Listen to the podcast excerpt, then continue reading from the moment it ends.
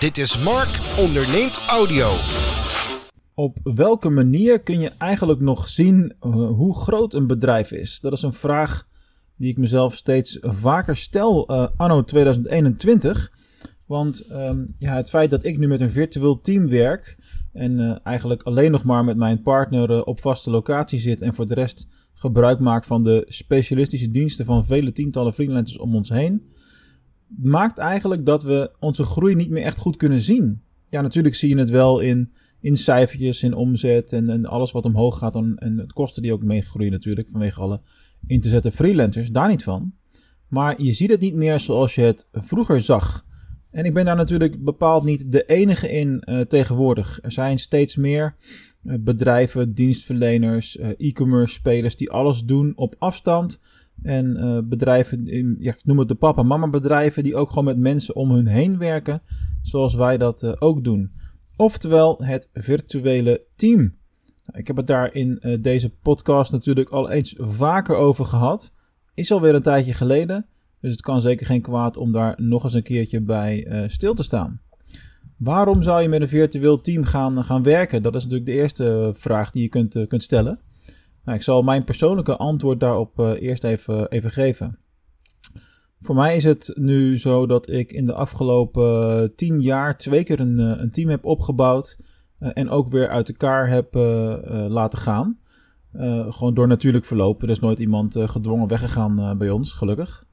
Um, en dat is uiteindelijk een les geweest die ik twee keer heb moeten leren. Ik ben niet het type ondernemer wat het ook lekker vindt om uh, mensenmanager te zijn. Ik ben heel erg projectgericht, taakgericht en, uh, en heel erg van de vakinhoud. En dat is waar ik blij van word, dat is wat ik leuk vind.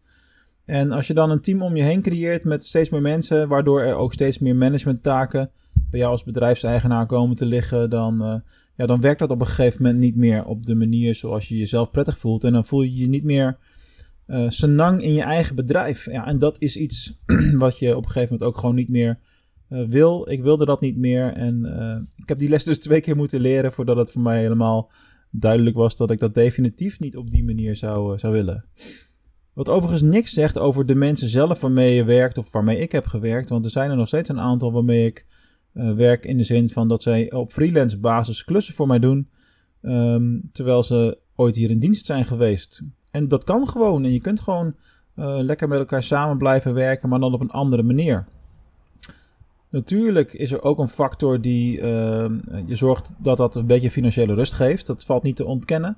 Het hebben van werknemers in Nederland voor een heel klein bedrijf. Laten we zeggen de eerste uh, vijf tot tien werknemers. Zeg maar als je in die fase zit, waar heel veel, heel veel net groeiende bedrijven natuurlijk in zitten dan zijn er gewoon serieuze en grote, grote risico's aan het hebben van, van werknemers. Uh, zeker met uh, de regelgeving die in Nederland bepaald niet vriendelijk is voor ondernemers.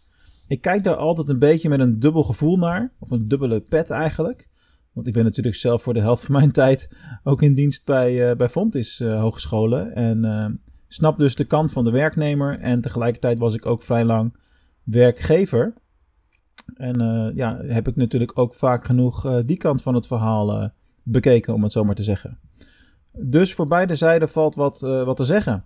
maar goed, eventjes vanuit de werkgeverskant dan, in, in dit geval eventjes. op het moment dat je iemand in dienst hebt en die raakt langdurig ziek, dan moet je die heel lang doorbetalen. Daar is niks mis mee. Dat is natuurlijk prima. Je moet de werknemer ook kunnen beschermen.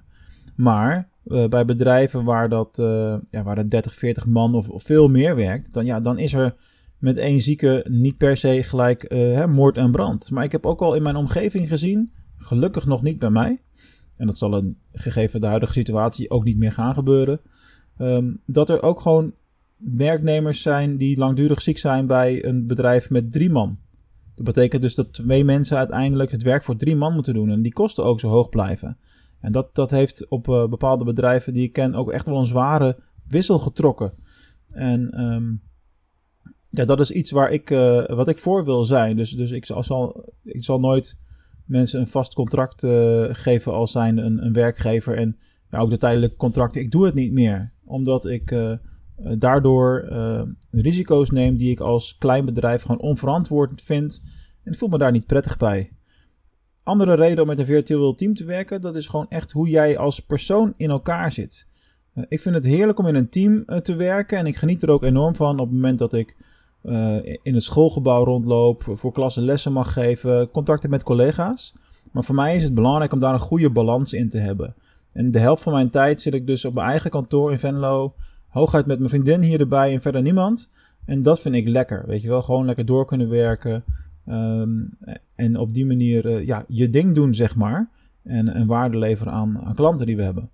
Dat is uh, voor iedereen natuurlijk anders. Hè? Dus, ik, ik, dus op geen enkele manier ook een, uh, een oordeel naar als jij op een andere manier onderneemt, bijvoorbeeld. Maar uh, misschien heb je wel een, een, sociaal doel. Of wil je heel veel mensen aan het werk helpen. En vind je die verantwoordelijkheid juist fijn en lekker. Ik kan dat niet beoordelen. Elke ondernemer moet dit voor zichzelf uiteindelijk gaan bepalen.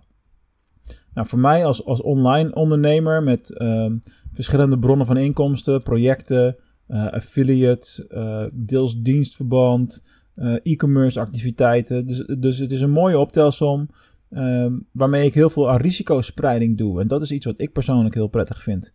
Dus er komt van allerlei verschillende bronnen komt er wat binnen. Um, en ook op het moment dat we veel meer werk hebben, uh, zie je dus ook dat, um, uh, ja, dat de, de, kosten bijvoorbeeld die we maken aan freelancers en, en andere bedrijven waar we dan inhoudelijke opdracht uitbesteden, um, ja, dat neemt dan natuurlijk enorm toe, maar dat groeit dan mee met de omzet. Dus dan is het oké.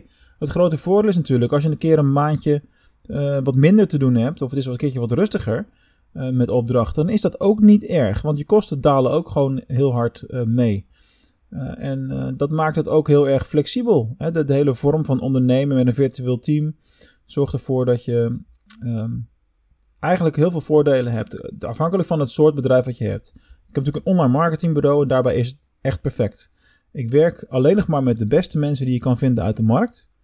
Dat betekent soms dat je, um, dat je vier, vijf mensen uitprobeert. Hebben wij bijvoorbeeld met Facebook ads gehad. Vier, vijf specialisten versleten. En bij eentje was ik echt heel tevreden. En die doet nu voor al onze klanten de Facebook ads. En dat is uh, een ontdekkingsreis. En zo bouw je langzaam aan, bouw je je virtuele team verder uit met specialisten op elk gebied. Weet je, iemand voor Pinterest, iemand voor Google Ads. Uh, voor zover ik dat niet zelf nog doe trouwens, want dat blijft natuurlijk iets wat ik zelf ook heel leuk vind. En, en zo heeft elke specialisme heeft zijn eigen, uh, eigen poppetje, zeg maar. En daardoor zijn we als bedrijf ook gewoon lekker blijven groeien. Er komen steeds meer opdrachten binnen en uh, dat is heel fijn natuurlijk. Maar voor de buitenwereld lijkt het ook wel onzichtbaar. Dat vind ik niet erg, maar het is wel een feit. dus je groeit als bedrijf, je hebt een virtueel team. Uh, alleen, uh, ja, je loopt op kantoor eigenlijk nu hetzelfde als een tijd geleden. Weet je, je, je, met even weinig mensen, zeg maar. Terwijl het bedrijf wel een keer drie keer vier is gegaan in de afgelopen paar jaar. En dat is gek het gek in de zin dat je het niet letterlijk ziet om je heen. En uh, ook dat is natuurlijk weer een stukje mindset wat je kan hebben. Dus um, ja, god, ik zie het gewoon op andere manieren. Hè? Dus uh, als ik met het virtuele team uh, ja, eens een keertje een gezamenlijke call met z'n allen doe. Komt niet heel vaak voor, maar heel af en toe doen we dat. Gewoon om een beetje dat gevoel te krijgen met elkaar. Um, dan zie je dat die groep steeds wat groter wordt. En dat is leuk om, om te zien. Dus eigenlijk is de boodschap van deze show is... Doe hetgene wat goed bij jou past. En uh, ja, het kan onzichtbaar zijn voor de buitenwereld dat je bedrijf lekker draait en dat het goed groeit. Um, maar who cares? Weet je, je doet het daar niet voor. Je doet het als het goed is om uh, vooral altijd de dingen te kunnen doen waar je zelf blij van wordt. Dat is sowieso waar ondernemerschap voor mij om draait. Elke dag die dingen mogen doen waar ik uh, blij van word en uh, die ik leuk vind. En waar ik natuurlijk ook voor mijn klanten waarde kan leveren. Als ik dat niet zou doen, dan zou ik geen uh, bestaansrecht hebben met mijn bedrijf. Maar goed, dat geldt natuurlijk voor elk bedrijf. maar ik kan alleen maar zeggen dat het opgebouwen van een virtueel team, wat ik de afgelopen tijd ja, echt wel snel heb gedaan, dat mij dat enorm goed bevalt. Dat ik blij ben met deze manier van, van werken. En dat ik ernaar uitzie om dit de komende jaren nog uh, verder uit te bouwen. En zo stiekem onder de radar steeds een stukje uh, groter te worden in het online marketinglandschap wat, uh, wat ons bedrijfje betreft. Maar zonder dat dat, en dat is misschien wel heel belangrijk, zonder dat dat een doel op zichzelf wordt. Want ik ben ook heel blij en happy met alles wat er nu al is, wat ik al heb, wat ik heb bereikt. Ik heb materieel gewoon geen wensen. Het is best een bijzondere positie om in te zitten. Ik ben ook niet een type voor weet je wel, het moet de super deluxe vakantie zijn of de, of de snelste auto of wat dan ook. Nee, ik ben toch wel meer functioneel ingesteld en, en minder materialistisch geworden de afgelopen jaren. Dat is heel gek, maar daardoor ga je dus ook minder geld uitgeven. En uh, doe vooral datgene wat goed bij jou past. Dat blijft altijd de boodschap. Dus virtueel team of een team gewoon op locatie met mensen om je heen. Dat je een sociaal dier bent. Maak je eigen keuzes daarin. En, uh, en weet dat het altijd goed is. En dat er geen één vaste route is naar wat voor jou succes betekent. Maar dat het gewoon echt is wat jij wil en wat jouw hart jou vertelt. Onthoud dat laatste vooral. Luister naar je hart en bouw al dan niet je eigen virtuele team. Hey, dankjewel weer voor het luisteren naar de Mark Onderneemt Audio podcast. Ik hoop dat je er weer van uh, hebt genoten. En wil je dat anderen dit ook kunnen gaan doen? Deel hem dan en ga naar encore.fm schuine Mark Onderneemt. Dankjewel en tot volgende week.